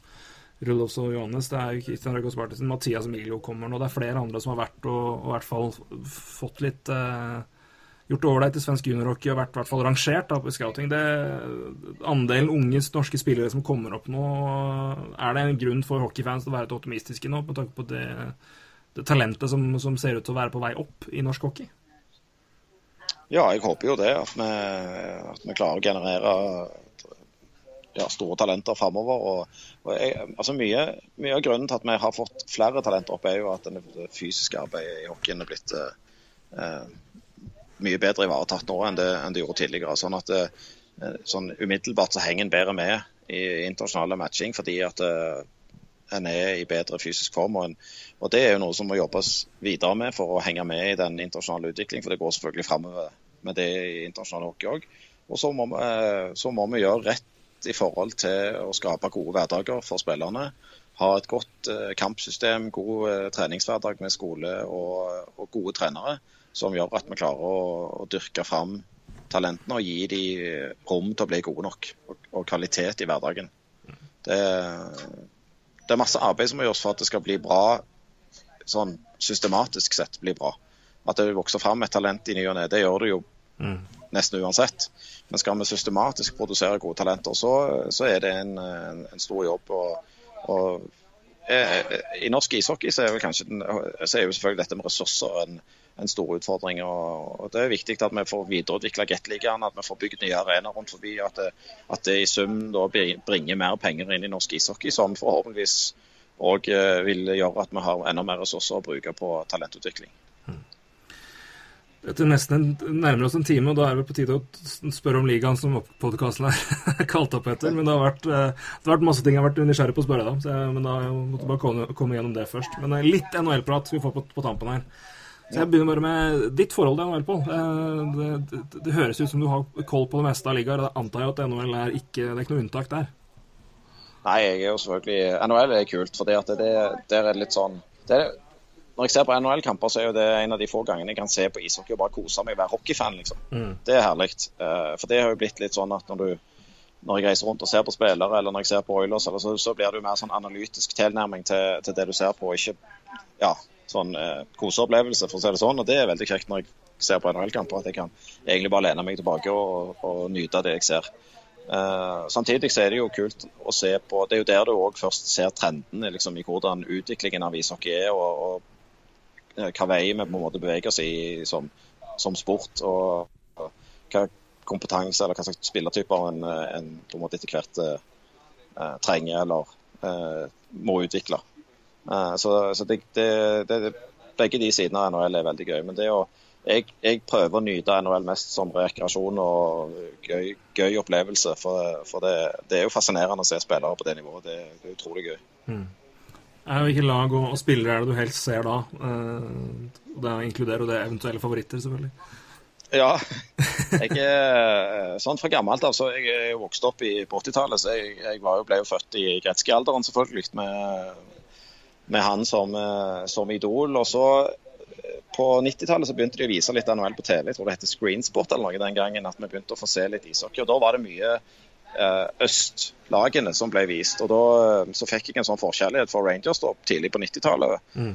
Brian Leach og Adam Graves og og Mike Richter i mål og det laget de hadde den gangen fram til, til Stanley Cupen i 94. Så, så, siden det så har jeg egentlig vært Rangers-fan, og er jo det i dag òg. Og er på, på Rangers-kamp noen ganger i året. og Det, det er veldig kjekt. Men, men, jeg er nok blitt litt mer sånn at jeg uh, altså Det syns jeg er kult. Jeg håper de vinner. Og så syns jeg det er utrolig kjekt å se på de gode spillerne rundt i ligaen og de gode lagene. sånn at jeg, uh, Det er ikke sånn at jeg sitter hjemme og banner når Pittsburgh vinner kamper eller, uh, eller Boston vinner noen kamper. Eller, så jeg syns det er kult å se på når de lagene og spillerne presterer på, på sitt beste. Det, det, det er god opplevelse og god underholdning. Apropos Rangers, da, for jeg har jo sagt jeg er jo Jeg er Flyers-fan sjøl, så jeg bør egentlig ikke Oi, proppe Rangers veldig mye opp. Ja, ja, ja. Jeg du merker jeg ikke nevnte de. Nei, jeg merker det. Ja. Jeg, var, nei nei, jeg har vært der siden, siden Lindros Leclerc og tilbake der. Og var, var faktisk på Camp 4 i 2010, når det Stanley Cup-finalen. Så jeg er, jeg, jeg, jeg, har, jeg, er veldig, jeg er veldig fan. Eller ja, ja, ja. da. Men det er, jeg skal få si det at en utrolig kjekk arena å være på camp i. Det er veldig fint, altså. Jeg liker meg der. Ja, men, men, jeg må gi, gi heder det. Rangers har jeg alltid hatt en ekstrem forkjærlighet for det 94-laget. Ja. Uh, mye pga. at det har ligget en helt fantastisk video av en sånn oppsummering av finaleserien mot Canucks, som var en helt spinnvill finaleserie.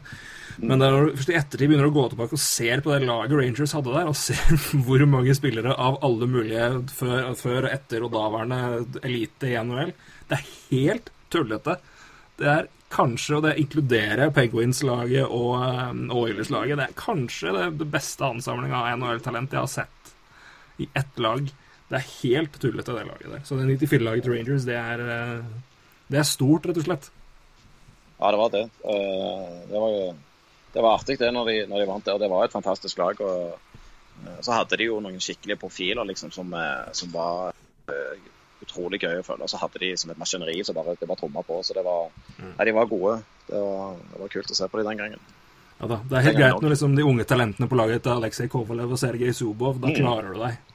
Ja, Det er ganske rart å tenke på at de liksom var sånn i bakevja egentlig av spillere den gangen. Men spillere som jo er top notch i verden, liksom. Ja, det er helt hvis, du, hvis, dere ikke har gjort det før, så gå og se på laget til Rangers uh, og se på karrierepoeng.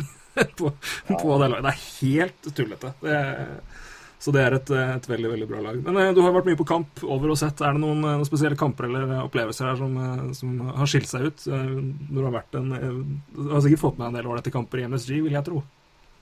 Ja, jeg har vært heldig og fått sett noen bra kamper der. Jeg, jeg kan begynne med en av de første kampene jeg så. Der fikk jeg nesten ikke sett noen ting. Jeg havna på sida av en som heter Lou Vero, som jobber i USA Hockey. og Har vært NHL-trener og Eh, han havna på sida i presseboksen i 2003 eller 2004 eller et eller annet. Og han snakka altså så mye og var så løyen at jeg husker nesten Det var liksom en av mine tre-fire første NHL-kamper. Så jeg lo i tre ganger 20 minutter. Så jeg husker ikke nesten å ha sett noe av den kampen. så det var en spesiell opplevelse uh, og, og, når jeg var på det. Men, men, etterpå så er det jo Ja, det har jo vært noe, Jeg var jo på de to kampene vi spilte i Stanley Cup-finalen mot uh, Kings. Uh, det Ja. var jo dessverre ikke noe høydere enn noen hockeykamper, men det var kult å være til stede på, på, på kampene. Men uh, Det er noe spesielt med finalekamper, altså. Det, det, er, men- det er noe med trykket og eh, nervøsiteten rundt det. det er noen kamper. Jeg var på en regular season-kamp mellom Rangers og Washington, som Rangers vant 7 eller 8-1 for noen år siden. Og på 5 eller 6-1 så ble det slåsskamp mellom Dubinski og Ovetsjkin. Og da tok det helt andre enden. Det var fullstendig kaos i uh, rekkene der inne. Så det var, det var, det var en høydere. Og så var det i sluttspillet et år mellom uh, uh, Rangers og, og Washington, det òg, når Bruce, Bruce Boudreau var trener i Washington. Og han i forkant av den ene kampen uttalte at fansen i New York ikke egentlig var noe særlig gode. Uh, og da på et eller annet tidspunkt midt i den neste kampen i Madison Square Garden, så begynte hele Madison Square, Square Garden å synge Boudreau, Can You Hear Us?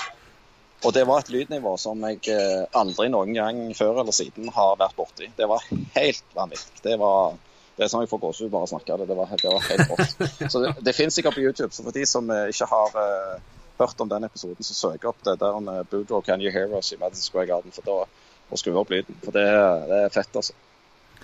At det er eh, lyden, altså Når det først er ordentlig lydnivå i, eh, på NHL-kamper, det er jo ikke alltid det er det. Det- Det går jo liksom litt opp og ned. Det er noe helt annet å se.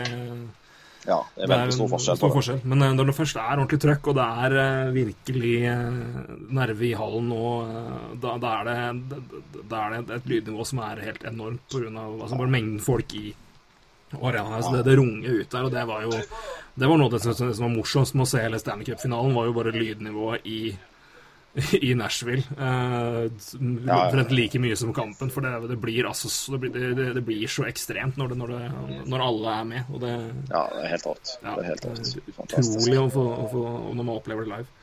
Du nevnte jo Rangers, men, eh, og selvfølgelig de beste spillerne. Det er, det er jo noen opplagt navn, selvfølgelig. Men er det noen eh, kaller det litt tilbake-Evja, som har noen personlige favoritter som du liksom liker å se av ymse grunner? Er det noen, noen navn som dukker opp i, i den eh, Jeg kaller det ikke-opplagte favoritter. Har du noen av de? Uh, I Rangers, eller? Nei, jeg, NHL generelt sett. Altså, av, eh, altså det er selvfølgelig det er, jo, det er jo gode spillere, men det er jo det, Ja. naturlig å nevne liksom Eichel, eller McDavid, Eichel, Crosby og Vetchkin men, eh, og de der gutta der. Men hvis man liksom går på neste nivå igjen, som kanskje ikke er da spiller jeg på en måte man nevner først, har du noen personlige favoritter å, å se der? Og eventuelt hvorfor det? Ja, ja det har jo jeg, Det er så mange spillere. Det er litt sånn, Du kan snakke positivt om så mange. Jeg, Nå har vi jo nevnt eh, Good Roder, som jeg, jeg er personlig veldig fan av. Jeg, og har alltid hatt en forkjærlighet for, eh, for spillere som er, som er smarte. Og, altså de der små som er veldig gode. Uh, Ryan Whitney, som, som Espen Knutsen spilte sammen med i Columbus, han var òg en sånn spiller som jeg var fascinert over å se på. Han fikk så jæklig mye ut av eh, av alt på banen. Altså, han skapte liksom noe hele tiden han spilte, og det, det var gøy å se på. Og så, For noen år siden da, så, så hadde vi en, annen, en helt annen spillertype, men som òg var sånn Det var bare gøy å bare se på. Det var Gary Roberts som spilte. Uh, han var jo altså, så, altså skikkelig altså, han, Hvis du slår opp Power Forward liksom, i, Ja, ja, ja. leksikon, så står det bilder av Gary Roberts. Og, og, og det å, ha, å se spillere som har den attituden, og som kombinerer det med, med, med altså vinnervilje og skill og ja, det, han var jo, det var utrolig gøy å se. Hver gang han kom på isen, så var det verdt å følge med. liksom. Så det har vært noen sånne spillere opp igjennom som du syns er ekstra gøy å se på. Det, det, det, det har du selvfølgelig. Så. I dag syns jeg det er så mange gode. Det er jo det. Nivået er så sykt høyt. Mm, Eh, ja. så du, uansett hvem du ser på, hvilket lag du ser på i dag, så er det noen der som er, som er helt rått gode, liksom. Eh, Så Arizona er for meg det er jo sånn grå masse som noen har satt inn i NHL der borte. Men så, så, så, så, så slår du på TV-en, liksom, og så ser du Ekman Larsson, og så har du han unge Domi som kommer inn der og Ja eh, kan være helt sinnssyk i noen kamper. Og, Kommer en så- skokk til. Liksom, ja, ja, så er det ikke så godt allikevel, liksom. Så, Nei, det, det er nei, det, det, så det, det, det er mye bra spillere overfor. Jeg får spørre deg, da, som både Rangers-fan og øh, for- for anledning til å kalle deg speider, hva syns du om, øh, om den Rangers og Arizona-byttet med Derek Stepan? Hva syns du om Derek Stepan, er kanskje det viktigste spørsmålet, hvor, som Rangers-mann. Hvordan, hvordan ser du på han? Fryktelig vanskelig med Steppan. Han er jo en av de spillerne som er eh, sånn 1,5 senter. Ja, det er helt, enig med deg. Ja. Han, han, Du har så lyst til at han skal være 1% bedre, for da er han liksom akkurat den som du trenger til å være mm. førstesenteren din. Men, men så mangler han det giret som skal til for å ta den rollen. Og så blir han dessverre bedømt for å skulle ha den jobben, og så, så får du liksom ikke nok ut av han. Ja. Uh, så, eh, så, sånn i forhold til posisjon, uh, kosten det vil være å ha på han det, og Samme situasjon egentlig som Ryan Callahan kom opp i på et vis. at han han òg hadde jo noe spesielt med seg som, som skilte han veldig fra de andre. og så mens allikevel så havner de opp i et nivå sånn lønnsmessig og forventningsmessig som de ikke helt svarer til. Ja, ja. Og, og, da må du ta noen valg, og så må du gjøre noen bytter. Eh, det gjorde de jo for så vidt med Brazard òg. Eh, da de bytta han med Sebanejad og, og, mente at eh, oppsiden var større hos Sebanejad enn en, Brazard, og, og, gjorde et straight up bytte der. og det, Nå har det jo på en måte blitt De har skapt seg litt spillerom da, med å sende vekk Steppan. men i seg sjøl så er det jo ikke blitt noe bedre av den traden. men forhåpentligvis så er dette en del av et puslespill som vil lede til at vi får en skikkelig førstesenter i Rangers. For det har jo mangla ganske lenge nå. Ja, nesten siden Messi, vil jeg si. Great, ja, det er eller, lenge, det veldig lenge. Det er vanskelig. Det, du har helt rett i at det er vanskelig å finne hva tid sist var vi hadde liksom en skikkelig sånn førstesenter. Ja, for det er liksom, som Dubinski har jo ikke vært det. Stepan har ikke vært det. Eh, altså, gode rekka når etter altså, Det var jo en kjemperekke, men det var jo altså, Straka, Nylander, Jager. Det var Jager som dro den. Nylander var jo bra, men han var jo ikke førstesenter på det nivået der, han. Nei. Nei, før, det, før det også. Det er, jeg kan ikke tenke at Rangers har hatt en, en reell førstesenter omtrent siden i hvert fall før lockouten. Uh, antageligvis noen år ja. før det òg, for jeg, jeg, jeg, kan ikke komme på Lindros var jo ikke i det så god da. Det var jo etter det jeg Så det var jo en, en, redusert Lindros, så det var ikke han i det hele tatt. Um, det har vært liksom mange Richards vil jeg heller ikke si var det når han, Nei, han kom til sånn Rangers. Han var, han, var, han var liksom samme som Ja, han var en 1,5 i ja, Rangers, syns jeg. Jeg syns han var Jeg syns han uh, ikke levde helt opp til uh, til den rollen han måtte gjøre. da. Jeg uh, syns han var fryktelig god i Stars, men Nei, det har vært Steppan, liksom Steppan har jo egentlig alt skal til, men han mangler jo et halvt steg i tempo til å være liksom mm. Kunne gjøre forskjell hver kveld. Og når han var på og hadde overskudd, så, så hadde han det steget, og da var han, da var han, da var han helt der oppe. Men, men han, han, hadde ikke det i seg ofte nok, dessverre. Mm. Ja, jeg syns det er en interessant avtale for begge lag, for det gir jo, det gir jo noe som jeg syns begge lag trenger. Jeg synes Det, er, det er, etterlater jo et, et, åpenbart høl uh, i midten mm. hos, hos Rangers, som jeg vel er spent på hvordan de skal klare å, å plugge, men det ga dem samtidig rom til å, å fylle på, uh, og, på, på bakover i et forsvar som sårt trengte det. Um, og du har jo også en, uh, en veldig en enorm bredde når, når alt stemmer uh, offensivt, som jo kan være med å demme opp for det. Og For Arizona sin del så syns jeg det var uh, å få en Estepan som i hvert fall har litt Er en veteran, og som er altså Man er en uh, halvannen senter, så er han en førstesenter på et Du kaller det de, av de lavere 10-11-12, da. Så kan han fint håndtere en førstesenterrolle og være en en kar som kan være med å dra opp en Clayton Keller eller eh, en av de seks andre unge talentene som har potensial til å bli skikkelig gode NHL-spillere. Neppe slår alle til, men de trengte den, den spilleren der. Eh, jeg likte ja, ja. at de får det året med nye med Ranta på én million, og ser hva han er god for. Og så ga de vekk et eh, et 700, et seventh overall-valg i en, en senterklasse hvor de følte at de hadde nok av spillere, og en back som har høyt potensial, men en tvilsom attitude. Så jeg syns ikke de måtte betale all verdens ille heller. Jeg det, men det, Nei, jeg tror det at uh, for Arizona så var det en, uh, uten tvil en, en, bra trade for uh, nåtiden. Og så forhåpentligvis er det som jeg sier, en del av et puslespill for Rangers til, mm. til, å lykkes med etter hvert å sementere en, en førstesenterrolle som, som trengs hvis du skal det, det, må du nesten ha hvis du skal, ja. hvis du skal til topps. og det er jo en erkjennelse jeg vet at de det, Dette er jo en på tapetet i Rangers. Det, det, vet jeg jo. Så dette er jo en diskusjon som foregår i, mm. i de lukka gemakker der, og at, at, dette må vi få til på et vis. Eh, så- De har jo merkelig nok holdt seg liksom inne i miksen. For jeg har jo omtrent i to år sagt at okay, men nå det, nå må det vinduet begynne å stenge snart. For nå er én, det begynner å bli fryktelig tight med cap. To, spillerne begynner å bli eldre. De har null bevegelse. Så klarer de på finurlig måte liksom, å smi inn én-to spillere på null lønn. Fikk jo Visi og Buknevic inn, og så signerte jo Brecky Peary noe hit, men at han signerte en millionkontrakt, og var jo egentlig helt latterlig lite. Så vi har klart å få til det. Og så ser du nå med, med Stepan, altså har vi da fått, fått uh, resigna Brandon Smith, som jeg ikke trodde de skulle få mulighet til å gjøre. Og Shattenkirk tar jo discount fra en annen verden for å bli der i, fire år. Det var han som foreslo hele biten, så de, Rangers de holder seg relevante der, men det er den, hvordan den siste den siste biten av hvordan det går opp med senterplassen. Det blir veldig spennende å se noen, eventuelt neste år, når, når Rick Nash i kontrakt er borte. Det. så skal jeg Noe jeg ikke har tenkt på før nå, når vi pr- prater om det her, men uh, hvis eh, John Tavares ikke er så gira på å flytte, så kan jo det være en match. Ja. Det det er selvfølgelig et, et godt alternativ, det. Det er jo ikke lange biten. Så, så det, han, han er jo en sånn spiller som har det kaliberet som trengs. Ja. Eh, Så det, det, det Men det er jo nok ingen tvil om at, at den bevegelsen som vi så nå i år, er eh, et ledd i dette. Og, det er vel eh, Jeg tipper de har fått med seg inne på kontoret i Rangers òg at Nash har bare ett år igjen. Så, så det, de har nok Jeg tror nok dette her prosjektet, og det, det starta litt med Brassard òg. Jeg tror eh, en har sånn steg for steg her nå driver og forbereder seg på, på hvordan og skulle lage for, for å kunne få til den øvelsen eh, Mm. når det blir tilgjengelig.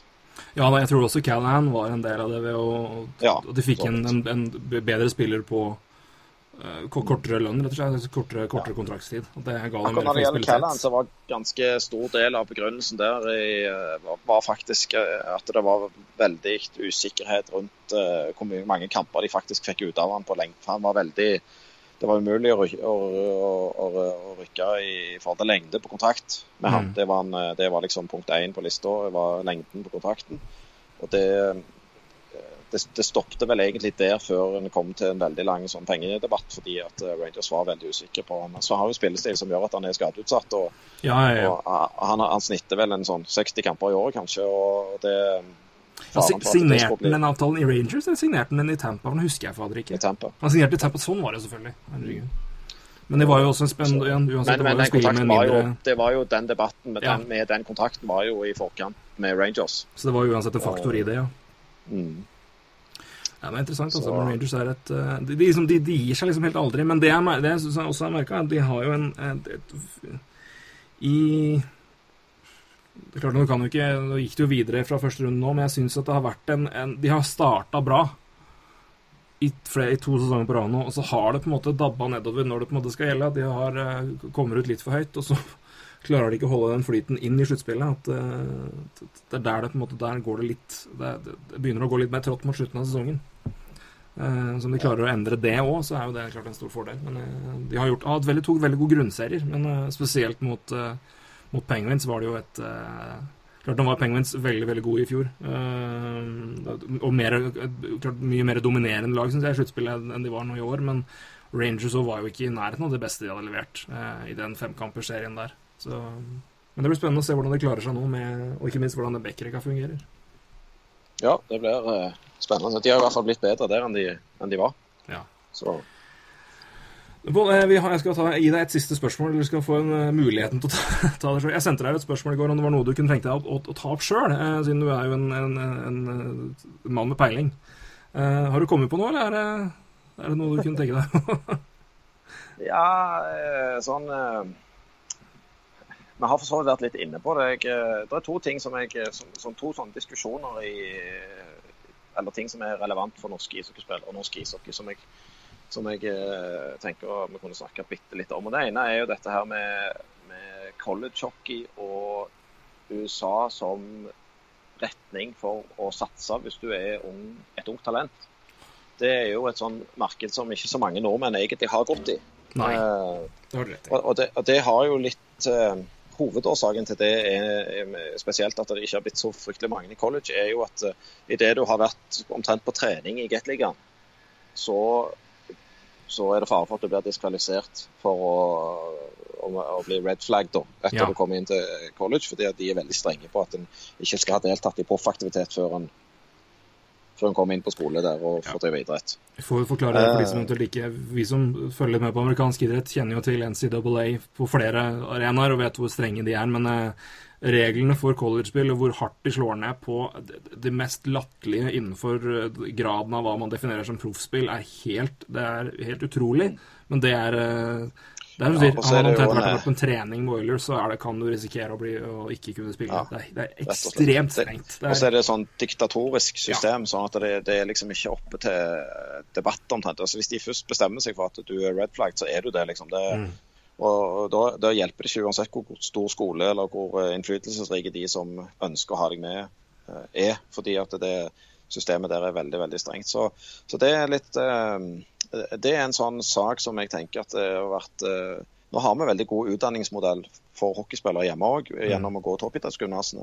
Men det er klart at kunnskap om det, og det å ha fått flere spillere over til Nord-Amerika i, i, det grenselandet hvor de er på vei inn til å bli Gateliga-spillere De spillerne som er gode nok, kanskje da til å kunne gått, reist til USA, fått uh, godt college-utdannelsen som ishockeyspiller. Mm hadde vi hatt flere spillere som gikk den veien, så hadde vi fått flere spillere på topp internasjonalt nivå. Jeg tror etter hvert òg mange hadde kommet tilbake igjen til Gateligaen og, og, tilført mye over tid. Sånn at eh, I et langt perspektiv så er det noe som jeg på en måte ønsker meg litt at vi, at vi blir flinkere på i norsk ishockey. Det å synliggjøre og, og, legge til rette for det som et valgmulighet, i parallelt med f.eks. det å velge juniorhockey i Sverige eller, eh, eller andre, andre, løsninger. Så, eh, for jeg, jeg tror det at det Eh, det, jeg tror norske spillere har betydelig mulighet til å kunne komme seg inn og få gode, god hockeyutdannelse. Og Det som jo er spesielt med hockeyutdannelsen i, i, i, college, det er jo at den ofte foregår fra du er 18 til du er 22, eller 19 til 23. Uh, og, og, Dermed så, så, lever du på en måte i et slags utdannelsessystem i, i lengre tid enn det kanskje du ville gjort hvis du var eh, akkurat ikke god nok for å spille i Gateligaen, så, så må du på en måte gi deg når du er 19 eller 20. For da tar det for mye. Da skal du begynne å studere, eller du må skaffe deg opp til leilighet, eh, så du kan betale leilighet. eller Uh, at ja, så er det flere nordmenn som rett og slett drev med ishockey lenger og ble gode. Ja, for det, for det er også et snakk om at Som er jo en investering de obvious for de som ser det, men det er jo samtidig en utdanningssituasjon som er opplagt lagt rundt et, et uh, collegiate athletic-aktivitet. Altså det du det du gjør av skolearbeid og, og, kombinert med det du gjør av collegehockey eller collegeidrett, er jo, det er jo en, en, det er jo en skreddersydd kombinasjon. Det er, eh, de jo, altså, det er jo noe de har gjort i årevis, på, altså det er på år på år. Så det er jo en, en, en symbiose i de to tinga du gjør, på en helt annet nivå enn det du har eh, I hvert fall hvis du går inn på forbi toppidrettsgymnaser og inn på universitet og. Da er det jo, er det jo et, helt, et, det er noe helt annet. Ja. Ja, det er akkurat det. og Dermed så kunne du holde på lenger. Det er jo, det er jo tilsvarende som vi har på uh, toppidrettsgymnasene. Altså der hverdagen og skolehverdagen og trening blir lagt til rette og, og går litt mer hånd i hånd. Uh, det er enda sterkere knytta sammen i, på college-nivå. Så, så, så, er det jo noe du holder på med til du er blitt litt eldre. og det er klart at det finnes mange hockeyspillere som hvis de hadde satsa skikkelig hardt fra de var 19 til de var 23, hadde blitt ordentlig bra spillere, men som mm. har måttet gi seg fordi at de har kanskje akkurat ikke fått Eh, vært gode nok til å få kontrakt i egentlige lag der de får de få tusenlappene de trenger liksom, å, å, holde livet sitt i gang i, i voksen alder. For det, i, i, Norge så er det jo ingen tvil om at uh, når du blir måte, ferdig middaggående og, og livet Da begynner jo på en måte litt liv for deg sjøl, og mor og far forventer kanskje at du flytter ut og at du, ja, du begynner å strukturere livet ditt på en litt annen måte og ha en plan med hva du har tenkt å bli. og da det å, da, å velge å satse på ishockey uten å få en krone for det, og kanskje ikke kan få lov å trene med de beste lagene og de få de beste trenerne og forutsetningene, så, så, er det ikke så lett å ta det valget og satse videre 100 uh, eh, så, så, så, der tror jeg at det, eh, det hadde vært uh, veldig uh, Hvis vi blir flinkere på å synliggjøre det som en mulighet etter hvert, og,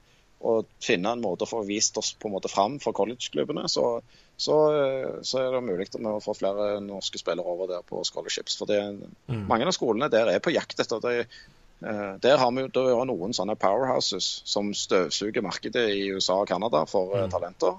Så det finnes det masse små skoler som er gode college-skoler, gode hockeyprogram, som eh, det går an å gå på, og som er på jakt etter talent over hele verden. egentlig, For de vil bare ha bra spillere inn, så de har et godt mulig hockeyprogram. De, de er ikke opptatt av om spilleren kommer fra nabolaget eller USA eller Canada eller Mexico. Liksom. Det, der handler det om å få inn bra spillere som vil være med på å gjøre programmet deres bedre. Ja, og du ser jo det er mye, i mye større grad både i college, men ikke, mest syns også ser stor utvikling mye, egentlig, men kanskje mye spesielt de siste åra, i juniorhockey i Canada. Hvor mye mer de importerer inn europeere, og, kanskje ikke, altså, ikke vanlige europeere. Altså, graden av russere som har dratt over, drar over tidlig nå til Canada, f.eks. Uh, andre, du, ser en mye større grad av uh, europeisk import inn tidlig i nordamerikansk hockey, og det er interessant. Men, men, for å snu på det, altså, vi er jo, du toucher inn på det Utfordringa for, for, deres del er jo da at så fort denne spilleren rører en, en isflate med Oilers-drakt på Jetninga, så er jo den trolig ikke eligible. Mm. Uh, Utfordringa for, for, de som da er uh, De sitter i din posisjon eller i en trenerposisjon og skal si, balansere det og, og ta valg som gagner både spiller og lag. Det må jo være en ganske det, det, det, er jo ikke bare lett, det heller, hvis man skal klare å få det til å fungere. Nei, nei, nei, men det er ikke sikkert at vi, vi trenger å, å, slåss om på en måte de samme spillerne heller. De, de to-tre spillerne som på en måte kommer opp, som helt sikkert kommer til å ta plass hos oss, eller vil være gode nok til å spille for oss, de, de vil kanskje ikke få den hockeyutviklingen som, de, eh, som gjør at de kan gjøre det til et levebrød likevel, mm. gjennom å være hos oss. Men jeg er helt sikker på at det finnes mange spillere i norsk ishockey som kommer i hakket rett bak der som eh, etter hvert er fysisk og, og, taktisk godt nok trente til at de faktisk er interessante for eh, en del collegeprogram i USA. Mm. For det finnes masse spillere der på, i, som, som, går på stipend i, i college-hockeyen som, som, ikke er bedre enn den, si, den tiende beste talentet i et årskull i Norge. Eller den eller si nummer 7 til nummer 15 da, mm, ja. i, i 2000-kullet i Norge. De er kanskje vel så gode som halvparten av de som spiller i Hockey East når de er 19 år. Men, men hockeyist vet ikke om de. Nei, ikke sant. Og vi vet ikke om at vi skal sende de dit, på en måte. Uh, så, og vi vet ikke om hvordan vi skal gjøre de synlige for dem. Så, så der, er det, det er en sånn, der finnes det et forbedringspotensial kan du si, for, uh, for uh, i norsk ishockey som jeg, jeg håper vi på et eller annet tidspunkt finner en måte å, å utnytte. Mm. For å ta det igjen, du, en, altså, du har jo vet, mange år med besøk og alt mulig. Det, har mye kontakter. Du vet også hvordan, uh, hvordan sånne ting fungerer. I, i, hvordan man gjør sånt, eller forskjellige måter å, å se talentet på gjennom det er kamp eller showcase eller hva det måtte være. Er det Å sette opp noen slags showcaser i Norge, er det noe aktuelt? Å være flinkere til å, å eksportere og, um, video, rett og slett, til scouter? Er det, hva, hvilke muligheter ja, ser du? sånn sett? Det er klart Informasjon uh, gjør spesielt kanskje rundt landslagene våre. Da, at mm. de landslagene våre blir uh, enda mer synlige for de som driver med For det, Ofte så møter jo de de andre landslagene. ikke sant? Så De møter folk fra USA Hockey og de møter folk fra Hockey Canada og fra andre.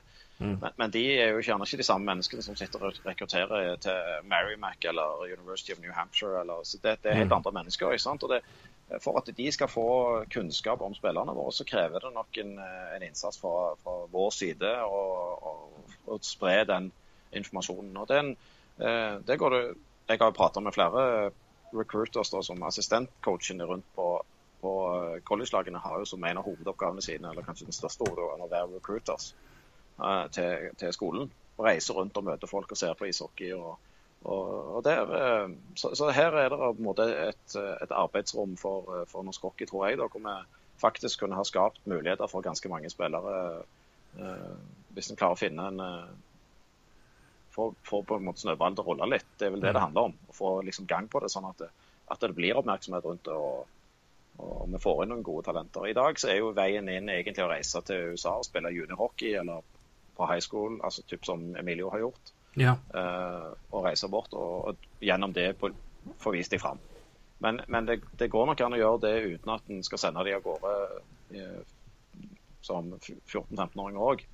Uh, og og, få skapt den oppmerksomheten og fått, fått fram at man faktisk har betydelig med talenter som det går an å ta tak i. Og, og, og vil da få muligheten til å fortsette å utvikle seg som hockeyspiller i, i, fire år på college etterpå. Mm. Du som jo også følger med og, speider og, og ser eh, og igjen har kontakter der borte og kanskje ser det her på litt annen måte og har sett mer av det. Uh, utviklings, uh, som utviklingsarenaer, hva Hvis du skal forklare eller skille, for, forklare for, for meg f.eks. eller andre forskjellen på juniorhockey i Canada og college-hockeyen. Klart at det er en litt aldersforskjell der, men det er jo eh, enkelte spillere kan jo da velge mellom å gå til et collegehockey eller, eller gå til CHL hvis det blir drafta der. Um, forskjellen er sånn som du ser det. Hvordan er den i, som utviklingsarenaer? Hva er det hva på å si pluss og minus med, med, begge deler, hvis man kan se på det på et generelt grunnlag? og Det vil jo kanskje skille fra spiller til spiller òg, men Ja. Eh, først og fremst er det jo ganske stor uenighet i scout-verden i NHL om er den ene bedre enn den andre. Mm. Noen sverger jo veldig til kanadisk juniorhockey, mens andre mener jo at college er liksom den nye vinen, og der, der er spillerne bedre utdanna. Men det som kanskje er den største forskjellen i hverdagen, er jo at uh, i college-verden så, så, er skole og, og trening veldig knytta sammen. Det, du må gjøre begge deler. Du, og gjennom det så blir veldig mange av de, de blir strukturerte. Uh, de, de, lærer seg mye på en måte om, om, det å være i et lag og skulle prestere på flere arenaer. Uh, men også er treningshverdagen i college hockey bedre, eller antatt å være bedre for mange, enn i Canada. For I Canada spiller de mye mer kamper. Altså Canadisk juniorliga spiller mye flere kamper. Mens college hockey har jo litt likt system som vi har hjemme. De, de trener i ukene, og så spiller de helgene. Uh, og den, den treningshverdagen som college-spillerne går igjennom, og får tid til å trene det fysiske godt, samtidig som de går i gode utdannelsesprogram rent sånn ishockeymessig, er vel noe av det som kanskje nå har gjort at college har fått en uh, blitt mer og mer populært. Og Vi ser jo at det draftes jo flere og flere fra college-systemet hvert år. Ja, Markant uh, økning siste året. Det er nesten Ja, en stor økning siste året. Det er, det er kompetansen selvfølgelig i, i college-hockeyen som har økt i, på, på trenersida. Men, men, alle føler òg at det er relatert til dette som går på at treningshverdagen der blir bedre. At de er mer fysisk forberedt på å spille NHL når de, når de har gått gjennom college-systemet, enn når de kommer ut av eh, kanadisk underliga. For det har ikke, Pga. kamptettheten så, så får en ikke inn nok treningskvalitet, rett og slett. Mm.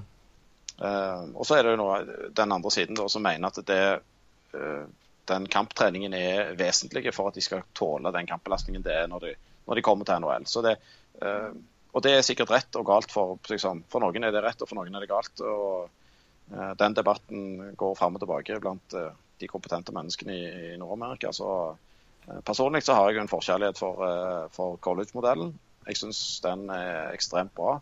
Og det å spille ett år eller to juniorhockey på høyt nivå i USA, og så spille så gå gjennom college-systemet, så så har du fått en ekstremt bra utdannelse som, både som person og som, eh, som hockeyspiller.